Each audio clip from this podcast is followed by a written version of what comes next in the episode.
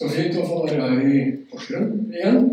Jeg har vært her gjennom årene med sånn ujevne mellomrom. Eh, Sjekket etter og vet det er en jobb som er fem år siden jeg var sist og talte en søndag formiddag. Ellers så har jeg jo vokst opp i Gjerpen og, og trådte en del av mine barne- og ungdomsskole, som det heter, i området her. Og derfor er jeg kjent til det fra det gamle bak her. Jeg var med på innvielsen her, eller var på 80-tallet, og, og står her altså fremdeles. Så det er godt å minnet om at eh, det er en sånn eh, dato mest før, men, brukbar kanskje etterpå også. Og godt er det. Eh, eh, la meg si også at eh, jeg har eh, de to siste årene skrevet to bøker. Jeg fått lov å, å si noe om det. veldig kort. Jeg ser for øvrig at Bokkiosken har begge to i, i hyllene der ute, så, så kom hjem med min kasse.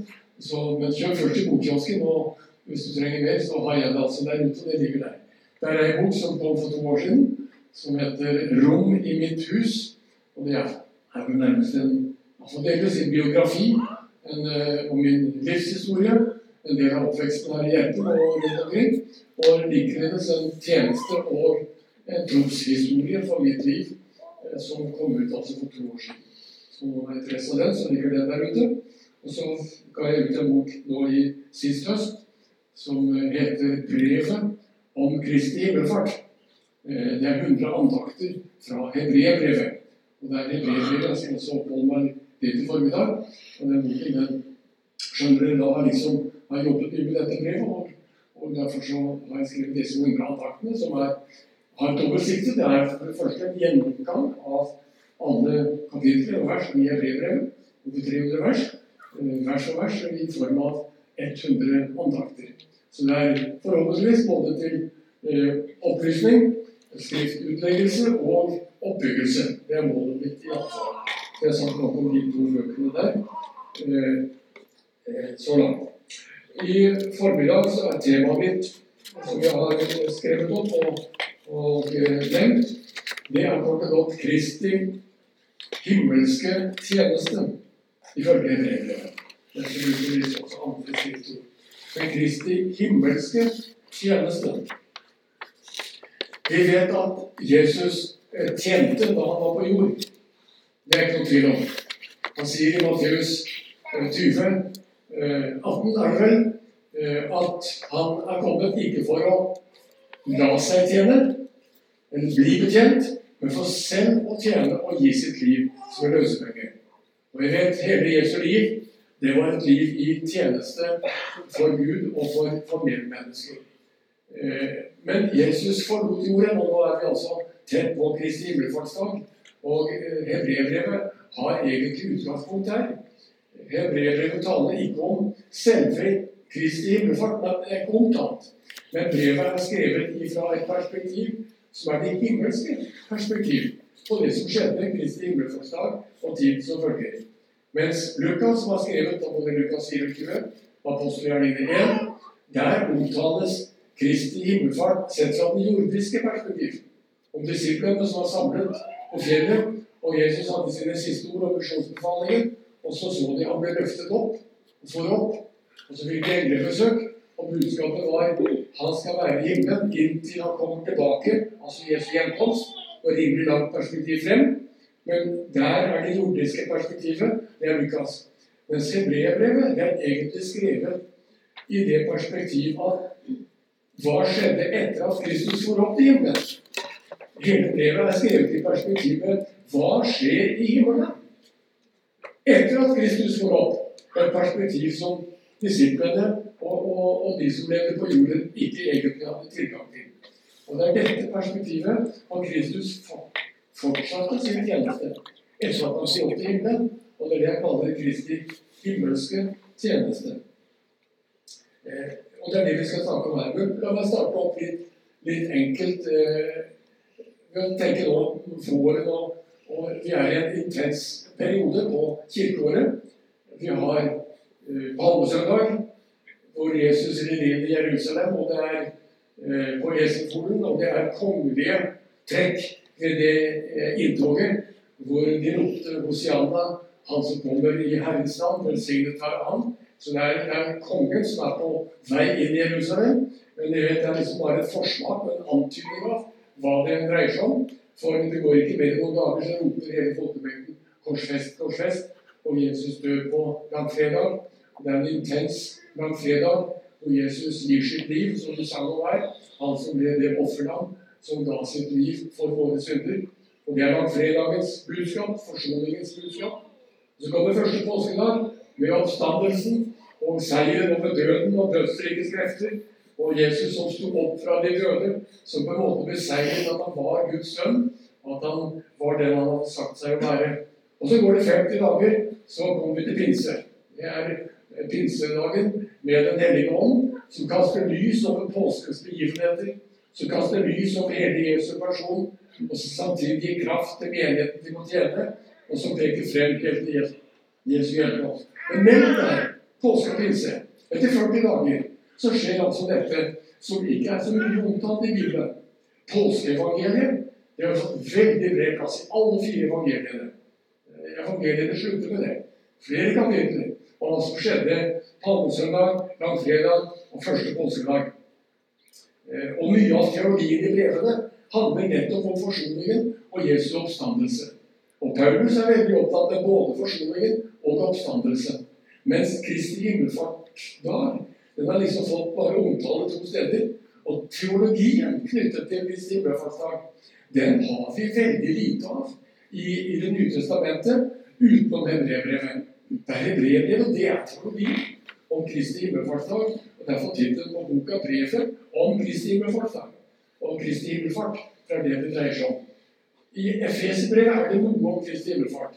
Der har Paulus tatt med en del om det himmelske perspektiv. Han sier bl.a. dette at vi skal være frelst, vi har oppreist med Kristus. Men vi har allerede satt med Han i himmelen. Det er et himmelsk perspektiv. Og senere i brevet så tales det også om at eh, han har vunnet over onde åndsmakter og krefter i himmelrommet. Slik at der er det et perspektiv av hva som skjer i den himmelske verden i Efeserbrevet. Men ellers er det veldig lite av det i, eh, i, i Paulus sine brever. Derfor er hebreerbrevet det er altså teologien om hva som skjedde etter at Kristus forlot himmelen. Og derfor er det jeg har, har kalt dette for Kristi himmelske tjeneste. Han fullførte på korset, opp fra de døde. Det har vi mye om. Men vi har veldig lite om hva skjer, og hva tjeneste har Kristus i himmelen. Det er det som gjerne vil dele med dere med tre enkle punkter. Først om kongen. Han er konge og regjerer i himmelen. For det andre så er han prest, øverste prest som betjener oss fortsatt som sin prestelige tjeneste i himmelen. Og for det tredje så er han både forbedrer og utsender som på en måte pusher på og vil sende sin menighet og sitt folk ut i tjenesten for å fremme Guds rike, som nærmer seg Jesu gjenkomst. Tre enkle punkter om hans himmelske tjeneste. La meg starte med kongen på tronen. Og det er veldig tydelig i Hebrevet. Det blir litt bibeltid der, er det greit? Jeg har alltid lest Bibelen og alltid syntes det har vært det flotteste jeg har vært med på. Jeg er mer kanskje bibellærer enn jeg er predikant, men, iallfall bibeltekst. Vet du at er bygget opp over en salme. Fire vers én salme som er veldig sentral for Hebreerbrevet. Og det er salme 110. Det kalles en messiansk salme av David, skrevet av David 1000 år før Kristus ble født. Og Der er det David taler om i vers 1. Der taler David profetisk om kong Messias. Messias som innsettes på tronen, og som skal herske inntil alle fiender er nedkjempet. Det er vers 1. Og i vers 4 der siterer han og sier at du skal være prest til evig tid på Melkisedeks vis. Det er Kristus og Messias som den prestelige tjeneste. Så i Salme 110, vers 1, handler det profetisk om kongen, og i vers 4 profetisk om Jesus som øverste prest. Og det er disse to linjene som hebreerbrevet fanger opp så uttrykkelig tydelig. Vet du at Salme 110 det er den salme i Det gamle testamentet, det er det gamle testamentets skriftord som er sitert flest ganger i Det nye testamentet. Og av alle de vers vi har, så er det Salme 110 på vers 1 om Kristi eller Messias kongelige plassering i himmelen ved Faderens høyre ånd, det er det ene verset som er sitert flest ganger i Det nye testamentet. Og bare i Hebreerbrevet er det sitert seks ganger. Og denne prestegudstjenesten, som er omtalt i Salme 110 vers 4, den er omtalt hele ti ganger i Hebreerbrevet. Slik at Hebreerbrevet fanger opp Davids visjon om Messias som konge og Messias som prest på en veldig presis og tydelig måte, som også utdyper Davids syn og gir oss en del teologi om Kristi himmelske tjeneste, i tillegg til dette med at han også ber for oss å sende sitt folk ut. Gir mening? Hebreere kan faktisk Hele strukturen kan leses i lys av, av Salme 110. Fordi at i første versen der står det Det starter på den måten etter at Gud har talt mange ganger, på mange måter, eh, ved profetene, til fedrene, så har han i disse siste dager talt til oss gjennom Sønnen. Altså Gud taler i Hebreerbrevet. Først taler han til og gjennom forløperne. Det er profetene og de gamle testamentlige troende. Og de kommer igjen i kapittel 11. Troshelten eh, i kapittel 11. Troens Hall of Fame. Det er 20 troshelter fra Det gamle testamentet i kapittel 11. De er forløperne som hører hjemme i kapittel 1.1 egentlig. Gud har talt mange ganger på mange måter gjennom profetene og fedrene. Til fedrene. Dernest taler han i disse siste dager, og det er hele korpus, hele biten av hebreerbrevet. Han taler til oss gjennom Sønnen. Han taler til oss gjennom Sønnens person, gjennom Sønnens tjeneste. Nå er det Sønnens tjeneste som konge og prest vi skal snakke om. Men her har du strukturen. Og så er de siste kapitlene i Hebreerbrevet det taler om om Gud taler ikke bare gjennom forløperne og gjennom Sønnen, men han taler til og gjennom etterfølgerne av Sønnen. Og hvem er det? Det er leserne av Hebreerbrevet. Det er den nytestamentlige menighet. Slik han talte i den gammeltestamentlige menighet, så taler han også til og gjennom den nytestamentlige menighet. Og der hører du og jeg hjemme. Det er Gud som taler gjennom forløperne, gjennom Sønnen, hans person og hans tjeneste, og gjennom etterfølgerne til og gjennom. Og vi hører hjemme der. Og vi er de som er sendt.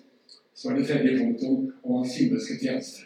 Men det første punktet er hans himmelske tjeneste som konge. Og der står det altså David sier 'Herre, min Herre'. Altså Herre Gud sa til min Herre Messias 'Sett deg ved min høyre hånd' til jeg får lagt alle dine fiender som skammer for dine føtter.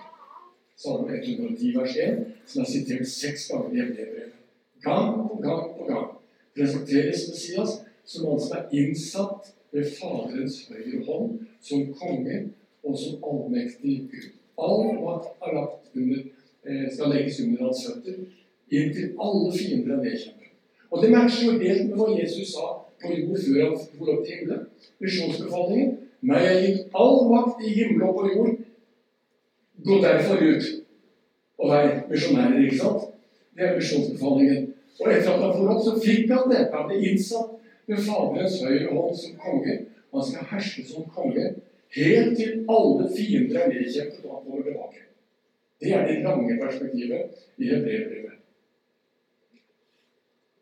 Men hersker han som konge, er han allmektig. Men det er mange tanker rundt det, og jeg tenker mye om det. Men også det for en historie som jeg fikk så sent som på fredag. Så som jeg ikke, som ikke slapp tak i meg. Eh, vi hadde nemlig Forrige lørdag så hadde vi en sånn reunion på Ansgarskolen. Altså en klasse fra 1970-tallet. De som startet på Ansgarskolen vi kalte det den gangen, var ti-tolv stykker. Som, eh, som, da startet i 74. Og de gikk der i fire år. Og så hadde de nå reunion. Mange av de hadde ikke sett hverandre på alle disse årene. Og du skjønner, det var jo pensjonister og 70-åringer hele gjengen eh, med et langt liv bak seg. Og de delte liv og erfaringer og hadde flott liv av 20 stykker til sammen ektefeller. Og så inviterte de Reine og meg for å være der. Jeg var lærer for dem den gangen. Jeg har jo ikke stort leder enn studenter, som du skjønner. Men jeg var altså da naturlig nok eneste gjenlevende lærer fra den tiden. Så vi ble invitert på er æren av å være der. Og blant annet traff vi der en som het Jens Sørensen. Han gift med Maria. De var i Oslo og der, og vi kjente dem godt. Vi har barn på samme alder som de hadde barn. Eh, og Jens og Maria de, de var sykepleiere begge to. Eh, men han kom og tok fire år på Ansgarskolen, og de hadde misjonskall. Alle de ti-tolv var ikke blitt pastorer og over i annen tjeneste. Iallfall halv lønn, men de tjente Gud alle sammen fortsatt. Men Jens han var en av de få. Det var tre som skulle bli misjonærer. To av de hadde vært i Japan. Men Jens han hadde kalt til Grønland. Og danske misjonsjobben han hadde ikke noe tjeneste der. Men Jens og familien, og en familie til, de kjente kallet, de dro til Grønland for 40 år siden. Og Jens og familien har gitt livet sitt eh, på Grønland, faktisk.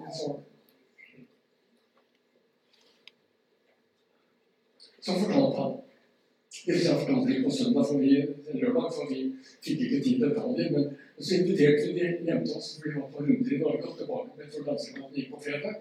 Så var de hjemme til lunsj og meg, og da fortalte Jens følgende plutselig han Vet du hva jeg opplevde, sa han. Og dette er en del år tilbake. Da jeg var på Grønland, for det ble jo ikke store menigheter, det var jo hardt arbeid. Og i er man jobber blant. Det tok lang tid, og ikke store menigheter og de jobbet og tjente lønna selv. De var sykepleiere og var leder av sykehuset på byen, og 10 000-12 000 mennesker var det bodde der. Og han og kona jobbet i helsevesenet, fikk lønn og å sørge for egen lønn. Det var misjonærer blant en menighet.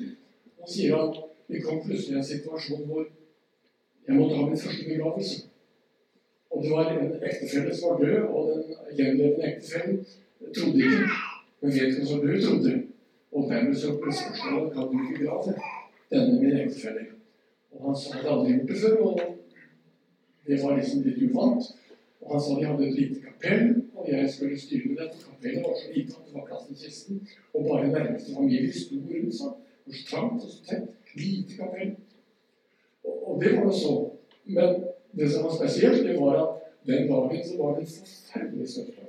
Vi snakket om barna sang om det stormen når det stormer. Dette var altså kjempestormen. Det var nesten orkansk ute og kona til Jens sa jeg orker ikke å gå ut i dag, det er for ille. Men Jens han måtte gå og skulle forrette begravelse, og derfor vi samlet de aller nærmeste. Men det var bare fem-seks som var plass inne. Det var kapellet. Resten av de som skulle følge, de sto ute. Og grenene de tålte litt av en storm, så de sto nå der. Men det var et helt forferdelig vær, så jeg visste ikke at jeg skulle få gjennomført den Og så sier han Akkurat da vi startet, så stivnet vi snøstormen. Det stille. Og vi gjennomførte alt uten noe problem. Sant? Og det var vi som individ merket bare at det ble slutta med oss. Vi merket var stille. Hva som egentlig foregikk, det, det fikk jeg vite først etterpå. Altså. For de som sto ute i stormen, de fortalte følte alle hadde sett det. De så Jesus komme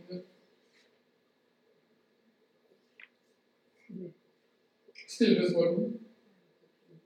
De så ham alle sammen. Og det blir jo i byen. ikke sant? Og jeg sa jeg hadde vært med på men de fortalte det. Og neste dag ble jeg innkalt på ordførerens kontor og skulle forklare hva det var for åndelige krefter jeg hadde. Jeg sa jeg vet ikke. Jeg vet ikke.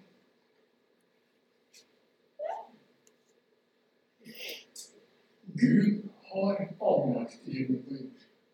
Nå er jeg av den typen at når jeg leser sånne historier i bøker, særlig fra langt borte, så, så må jeg innrømme at jeg er veldig skeptisk. Det er nesten veldig mange underhistorier om Guds allmakt. Og kanskje er det sant. Noen ganger tenker jeg at det er overdrevet. Men når det er nære venner som vi kjenner deres integritet, da tror jeg det. Og jeg tror for i Skriften sier at Gud er allmektig. Han kan stille stormen. Og jeg har, en sånn løvehistorie fra Kongo også. Som er så fint at den skriften ville ikke gjort seg, liksom. Men det var Kirsten og Martin Halla, misjonæren som vi kjente så godt, som i Bjørndalen, som hadde vært der rundt et langt liv, som fortalte hvordan løven vokter misjonæren nesten en hel uke. Da han fikk landsbybefolkningen mot seg. En historie som er helt utrolig. Men fordi det er folk du kjenner og vet så skjønner du at Gud er mektig. Han er konge, han hersker. Han har all makt i himmelen og på jord. Han kan ikke. Men neste spørsmål blir jo selvsagt Hvorfor ser vi ikke mer til det? Ikke sant? Hva med, hva med alle, de, alle de forferdelige situasjonene hvor vi roper og ber om Gud må gripe igjen. Og da tenker jeg på, som vi alle tenker på, Ukraina. Hvordan, hvordan de hjelpeløse blir bombet, og hvordan de blir altså torturert og drept. Og vi sier 'gode Gud'. Det kan vi si med hva med den kristne menighet i Ukraina, som roper til Gud dag og natt og ber om beskyttelse og opplever død og fordervelse og krig. Og vi sier 'Hvor er den allmektige Gud?' Det er klart vi spør om det. Og jeg har ikke svaret. Men jeg, jeg, har, jeg, jeg må når jeg snakker om Ukraina, så må jeg gi dere iallfall et stikkord om hvordan vi skal be. For jentene. ikke hvordan skal vi be for dem. Og jeg ber ofte gode Gud stopp ondskapen og se nåde til de som er i nød. Men vet du at det er en salme som vi normalt i Norge ikke tenker på, for det passer ikke hos oss. Men denne passer veldig godt på situasjonen i Ukraina. Og det er salme 10. Vet du hvordan det står der? Der står det Salmisten klarer å si den lovløse setter nesen i været. Han krever ikke meg til regnskap. Ikke Gud er alt han tenker. Han fnyser og sier i sitt hjerte 'Jeg skal ikke vakle'. Han ligger i skjul i bakhold i landsbyene og dreper den skyldfrie. Det er en beskrivelse av en situasjon som er hverdag for den kristne menighet og for Ukraina for øvrig. Og så ender denne samme tid i en bønn som har to fokus, og det er Reis deg, Herre. Gud, løft din hånd. Glem ikke dem som er hjelpeløse. Gud, se til de hjelpeløse. Og så fortsetter han og sier Hvorfor skal den lovløse ringe opp til Gud og si til sitt hjerte Du krever ikke til regnskap. Bryt armen, Gud, på den som er urettferdig ond. Krev ham til regnskap for hans urett, som ikke må finnes mer. Salmisten har en, en, en, en slags innebygget eh, sinne. Eh, harme. Gud, du må gripe inn og stoppe den lovløse som tar seg til rette. Og det er en bønn som du og jeg kan gjøre vår bønn for Ukraina.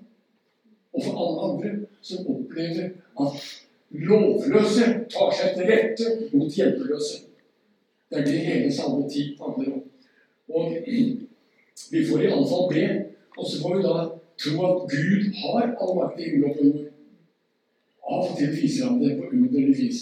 Men hvorfor gjør han det ikke oftere? Og vet du hva? Jeg tror vi har en, en setning vår i brevbrevet som hjelpe oss iallfall til å tenke litt. Det står i brevet 2, og der står det Gud la alt under ham, han som fikk sitte på tronen. Det var ingenting unntatt. Alt skulle underlegges ham. Men så kommer det Ennå kan vi ikke se at alt er lagt under ham. Fikk du tak i det? Han har all makt, men vi kan ennå ikke se det. Og det er der vi er fortvilet spør Gud, hvor er du? Nei, vi kan ikke se det. Og hvis Gud skulle vise sin allmakt her og nå fullt ut, så ville han jo avslutte hele, hele verden og tidshusholdningen og, og rydde opp, og finalen for deg. Men vi kan ennå ikke se det. Men presis som Jesus hadde all makt, også da han levde på jord, også i Getsemane Han kunne tilkalle tolv legioner engler og bruke den makt han hadde, for å komme ut av den kjipe situasjonen og, og unngå død og kors. Men han sa skje ikke mye, men skje din vilje. Han unnlot å bruke sin allmakt til beste for seg selv. Og slik er det Gud vi har. Han har all makt, men på forunderlig unnlater han å bruke den. Og sannsynligvis fordi han har langmodighet med det som Peter skriver. For han vil at alle skal komme til sammen seg erkjennelse og omvendelse. Han har langmodighet. Han bare venter på at flere skal komme. Han unnlater å bruke den. Og Derfor lever vi i denne tidsutholdningen hvor det er spenning mellom allerede har vi troen, og det er bare troen som griper dette blikket, at Gud har allmakt, og virkeligheten som vi lever i. Det er fremdeles her i livet hverdagen hvor vi slåss både med kjødet og med synden og med djevelen. Med døden og alle dødskreftene. Og Derfor er vi her nå. Men Gud har allmakt. Hans himmelske tjeneste innebærer at han er konge. Det er bare vi kan ikke se det ennå. Det vil si, det er bare troens blikk som ser det. Derfor oppfordrer Hebreerbrevet flere ganger, f.eks. i kapittel 3 og vers 1. Der står det 'Hellige søsken, dere som har fått del i det himmelske kallet'. Se på Jesus, den utsending og øverste prest, som vi bekjenner. Fest blikket på ham. Og vi sang til å begynne med 'Jeg vil se deg, Jesus'. Jeg vil se Jesus. Og Det er det som er hele tonen. Det kommer igjen i kapittel 12 og vers 3. Hvor det tales om den kamp vi alle står i. Og Der står det 'la oss fullføre løpet'. Og løpe med tålmodighet. Hva står det? Med blikket festet på ham som er troens opphavsmann. Vi må løfte blikket slik at vi får troens klarsyn på at han er konge. Han er innsatt som konge. Sitter ved Faderens høyre hånd, og der skal han sitte inntil all ondskap en dag er nedkjempet, og han kommer igjen for å opprette sitt rike. Det er det lange perspektivet. Og det er et perspektiv som står seg selv om århundrene går. Fordi det er Guds evige ord. Og dette punktet med han som konge, det er så sterkt og så viktig for den nytestamentlige menighet at det er derfor denne salmen, salme 110 vers 1, siteres så ofte og gang på gang på gang. For den nytestamentlige menighet så var det etter Jesu døde, sto fra de døde og forsøkte å etablere troen på Jesus som Guds sønn og som den allmektige. De var opptatt av å vise at han, Jesus Nazaret, han er den Messias som profeten har kalt om, som David profeterte om. Han er ikke bare oppreist fra de døde, men han er allerede innsatt som konge. Og de ventet ham tilbake egentlig hva tid som helst. I prinsippet kan han gjøre det. Men dette er så viktig. Derfor er dette verset sitert så ofte i Det nye testamentet. Og det kommer igjen i Peters pinsepreken. Der siteres Salme 110 at han har satt seg på tronen. Og så har han utgitt Den hellige ånd, som de fikk på pinsedagen. Går igjen i Paulus taler, misjonstalene. Jesus er innsatt som konge på tronen. Jesus som konge, hans kongelige tjeneste. Vet du hvor lenge den varer? Det varer inntil han kommer igjen. Det er Kristi himmelske tjeneste som konge. Hold den litt. Så den andre som opptatt av, det er vers 4 i dette salme 110. Du skal være prest til evig tid på Melkisedeks vis. Og det er at Jesu tjeneste i himmelen, det er en prestetjeneste. Han var ikke prest på jorden. På jorden var han en tjener. Og han var en som tjente som iallfall ga sitt liv som en løsepenge. Så på jorden ble Jesus et offer. Han ga sitt liv på korset og utgjorde sitt blod, og hans leger ble for vår skyld i døden. Det er nattverdens eh, innhold som vi har igjen med Jesu legeme og hans blod, da han ble offer og ga sitt liv en gang for alle. Det var Jesu tjeneste på jorden. Da var det andre som var prester. Når Jesus er opphøyet og satt på tronen, så står det f.eks. i kapittel 8 vers 1 veldig tydelig at Hovedsaken i det som vi her taler om, det er dette En slik øversteprest måtte vi ha. Og han skriver om øverstepresten, som har satt seg på høyre side av majestetisk krone i himmelen. Så her ser du hvordan eh, Jesu tjeneste er både den kongelige på tronen, men også øverstepresten som sitter der på tronen. Og øverstepresten fortsetter sin tjeneste i himmelen for oss. Han er både konge og prest. Og Derfor er det hele kapittel 7 i Hebreerbrevet viet til Melkisedek. Hørte navnet? Melkisedek er en ulkefigur. Vi kjenner ham bare fra to skriftsteder i Gamle testamentet. Det er i første Mosebok 14, hvor det er tre vers. Og Melkisedek, som var konge Jerusalem, var rettferdskonge, og så var han prest for den høyeste Gud. Og da han møtte Abraham, så står det at Abraham ga sin tiende til Melkisedek som prest for den høyeste Gud, og Melkisedek velsignet Abraham tilbake. Det betyr at Melkisedek sto over Abraham, i israelske samfunnet. Og så er det et sted til. Det er Salme 110, vers 4, som vi har sett her. Det er det andre stedet i Det gamle testamentet hvor Melkisedek er nevnt. Og der er nevnt som at han er et forbilde på Messias, som skal bli prest til evig tid på Melkisedeks vis. Det betyr han er prest på en annen måte enn de gammeltestamentlige prestene som var frem sitt offer med det gamle systemet. Han er prest på en annen måte. Han kom ikke etter loven, kom ikke etter Aron og levittene, for det var de som ble innsatt etter loven. Men Messias som kom jo fra Juda ett, og Melkisedek han kom heller ikke fra Arons ett, men han sto over Abraham og over disse og etablerte en ny tradisjon. Og Det underlige er jo at det ble kapittel 7 om Melkisedek gir oss masse ny informasjon om denne denne personen. Han var et forbilde på Messias. Og Messias, hans prestelige tjeneste, den var annerledes enn den gamle testamentlige prestetjenesten. Så Jesus ble på en måte Da han for opp til himmelen, så ble han prest, ja, øverste prest, på Melkisedeks vis. Dvs. Si han fikk en ny tjeneste i himmelen. Og hva går den tjenesten ut på? Hvordan er det Jesus betjener, eller tjener oss i den himmelske verden som øverste prest? Det beste verset er eh, i kapittel 9, hvor det står om Jesus at han i vers 24 Jesus gikk inn i selve himmelen, og nå trer han frem for Guds ansikt for vår skyld. Det er hans prestelige tjeneste i himmelen. Og den varer fra Kristi himmelfartsdag til hans gjenkomst, hvor han åpenbares for Guds ansikt, det aller helligste, for vår skyld, for min skyld og for din skyld. Hva betyr det? Jo, det betyr, og det er dette brevbrevet taler om hans prestetjeneste, den består at slik ypperstepresten i den gamle pakt gikk inn årlig i det aller helligste og ofret med fremmed blod var fremmed offer, som måtte gjentas hvert eneste år, og som ikke kunne tilgå den tilga synder, men bare midlertidig. For det står at uten at blod blir utgitt. Enhver krenkelse, enhver synd, er så alvorlig at det krever noe. Det koster noe å få forsoning. Og slik er det for oss det. Enhver krenkelse det koster noe å rette opp igjen. Men her står det at uten at blod blir utgitt, blir ikke syndene tilgitt.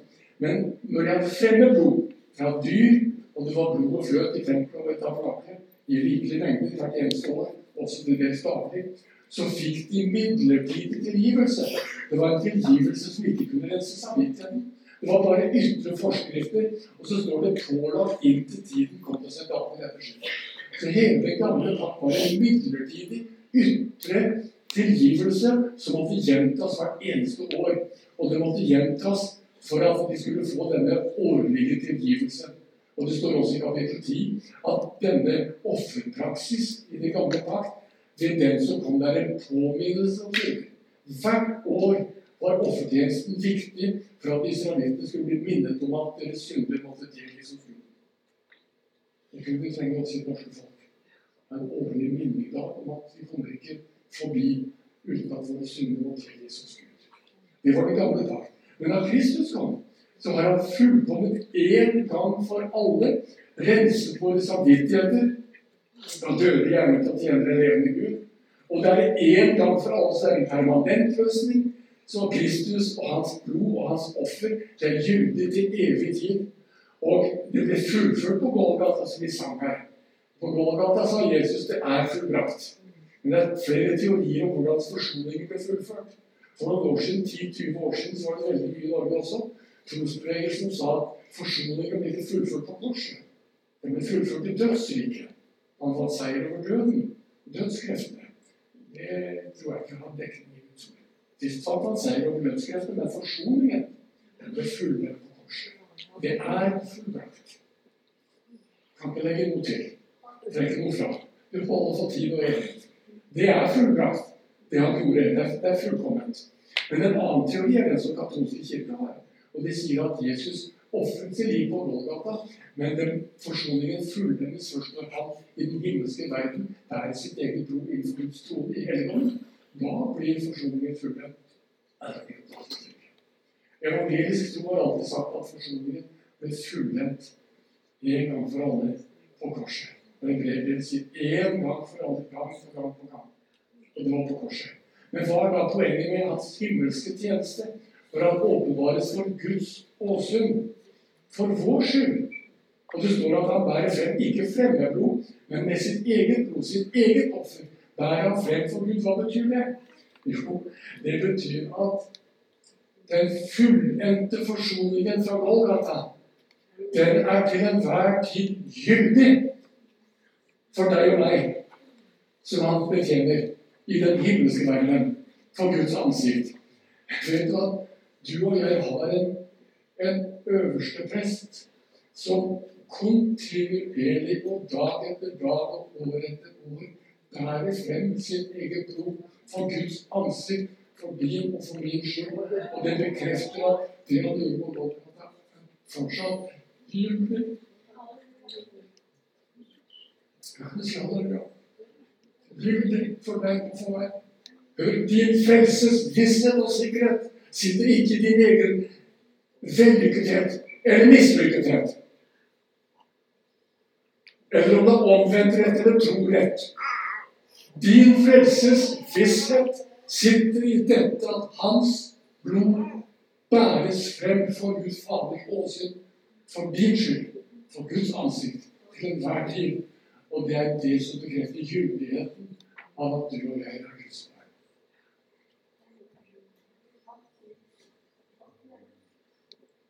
Tryggere kan ikke presten bli. Hans Kristi himmelske tjeneste som prest, øverste prest, garanterer din og min frelse til evig tid. Holder det? Det holder. Trenger ikke gjøre noe mer. Og vi kan bare våge å tro at sånn taler Guds ord, og sånn taler Gud til oss i dag. Gjennom Sønnen og hans tjeneste som konge, hans tjeneste som øverste prest. Tredje punktet. Kort. Hans tjeneste i himmelen er å være konge og å være prest. Men en av hans viktigste tjenester som prest det er ikke bare at han bærer frem seg selv som et offer, men det står i kapittel 7 veldig tydelig at han derfor kan han også fullt og helt frelse dem som kommer til Gud fra ham. Helt og fullt. Det snakket vi om. Fordi han alltid lever og går i forbønn for ham. Ikke bare at han betjener oss, han ber for oss. Jesus ber for oss. Det er hans prestetjeneste. Og hva ber han om? Han ber om mange ting. Han ber Det var Jesu øverste prestlige bønn. Det er derfor han heter det. Johannes 17. Hva ber han om? Ikke at vi skal ta oss ut av verden. Er. Han ber ikke at vi skal flykte. Men han ber at vi skal bevares fra det onde. Ikke sant? Bevar dem, Gud, i verden. De som er kalt ut av verden, skal bevares fra verden. Men vi skal være i verden. Og så sier han slik du sendte meg, Gud, sender jeg dem tilbake til den samme verden. Han ber om at vi skal være utsendt til den verden vi har frelst ifra. Det er Jesu bønn. Og han ber om at vi skal bevares fra onde. Han ber om at vi skal bli fylt med Den hellige ånd. Han er der han utdeler av sin hellige ånd, sier Peter på pinseprekken i apostelgjerningene 2. Og han er med på å fordele sin himmelske velsignelse. Han ber om at den må frem til ditt og mitt hjerte. At det må filtreres gjennom alle disse filtrene som ofte ødelegger og gjør at budskapet går inn på eget hjerte. Vi greier på en måte å skyve det unna og få til alle retninger. Og det er andre ting som tar tid og oppmerksomhet. Det er derfor hebrevet er så intenst å lese og si dere må se på Jesus. Løft blikket, se på ham. Fest blikket på ham. For det er der vi får det vi trenger. Og han ber for oss. Han ber også Jesu ypperste prest i bønn og sier, Far, jeg vil at derfor jeg er, skal også de som du har gitt meg, være hos meg. For at de skal se min herlighet. Og se Jesu herlighet. Det åndelige synet, det åndelige blikket. Og det er det Paulus ber om for Efeser også, at vi må få se hvor veldig hans kraft er, hvor hans arv er, og hvor velsignelsen vi har i Kristus. Og få blikket på Jesus i den tid hvor vi kalles på så mange kanaler til å gi vår tid og oppmerksomhet. Og Derfor er det så viktig oss at vi finner tid til stillhet. Så Jesus, la meg få se La meg få Jesus. Han ber for oss, og så vil han sende oss ut. Og, så, og da er vi inne på det tredje og siste som er i brevbrevets budskap, nemlig dette at Gud taler forløperne, trosheltene, han taler gjennom Sønnen, men han taler også til etterfølgerne. Det er leserne, og det er oss. Og hva taler han til oss? Han taler og sier Vær mine tjenere. Gå inn i misjon. Gå inn og bygge Guds rike. Ikke, det betyr ikke at skal være lønnet av menigheten, som du sagt om. Det er ikke det det betyr. Tjeneste har med hvordan de Godt Luthers sitat er at du skal det borgerlige kall. Der hvor du er satt, der skal du være en Jesu Kristi disippel og en Jesu Kristi etterfølger. Det er der Gud vil bruke deg. Og hvordan skal vi kunne bli brukt der? Det er akkurat det samme som hva er forholdet mellom Jesu kongelige tjeneste og hans prestelige tjeneste. Men forholdet er jo at det står i kapittel 2 at fordi han ble døden, ble han opphøyet. Og det er akkurat det samme. Det er gjennom hans prestelige tjeneste at du og jeg renses, stansettes, helliges til å være tjenere for kongen. For vi er kalt til å være kongens folk. Og vi er igjen og for siste gang tilbake til Salme 110. Og mellom vers 1 om kongen og vers 4 om presten, så står det i vers 3 at denne kongelige og prestelige Messias, sier David profetisk tusen år før Kristus ditt folk, Messias. Ditt Messias var et folk. Og det er det Nytestamentet, Gammeltestamentet, også det Nytestamentet menighet, som er Guds folk. Og hva med dem? Ditt folk, sier David, eh, så det profetisk, kommer til deg villig, frivillig. Som duggfrisk ungdom kommer de til deg, står det er verste. vers 3. Vi kjenner det. Og hva er det? Det er at Messias han sender ut sitt folk, som er renset, som er helliget, som er innviet fordi hans prestelige tjeneste er der.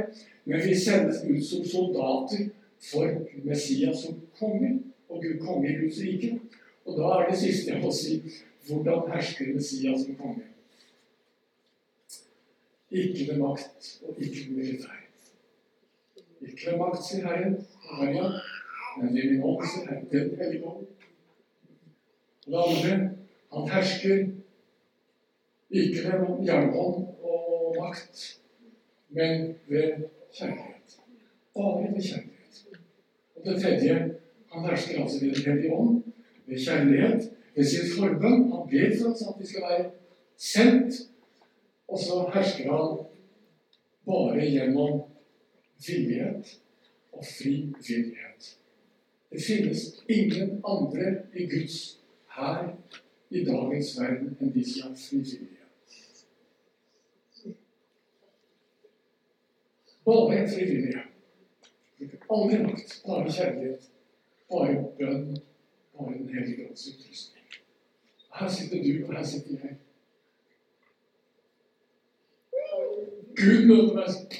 som en tenåring.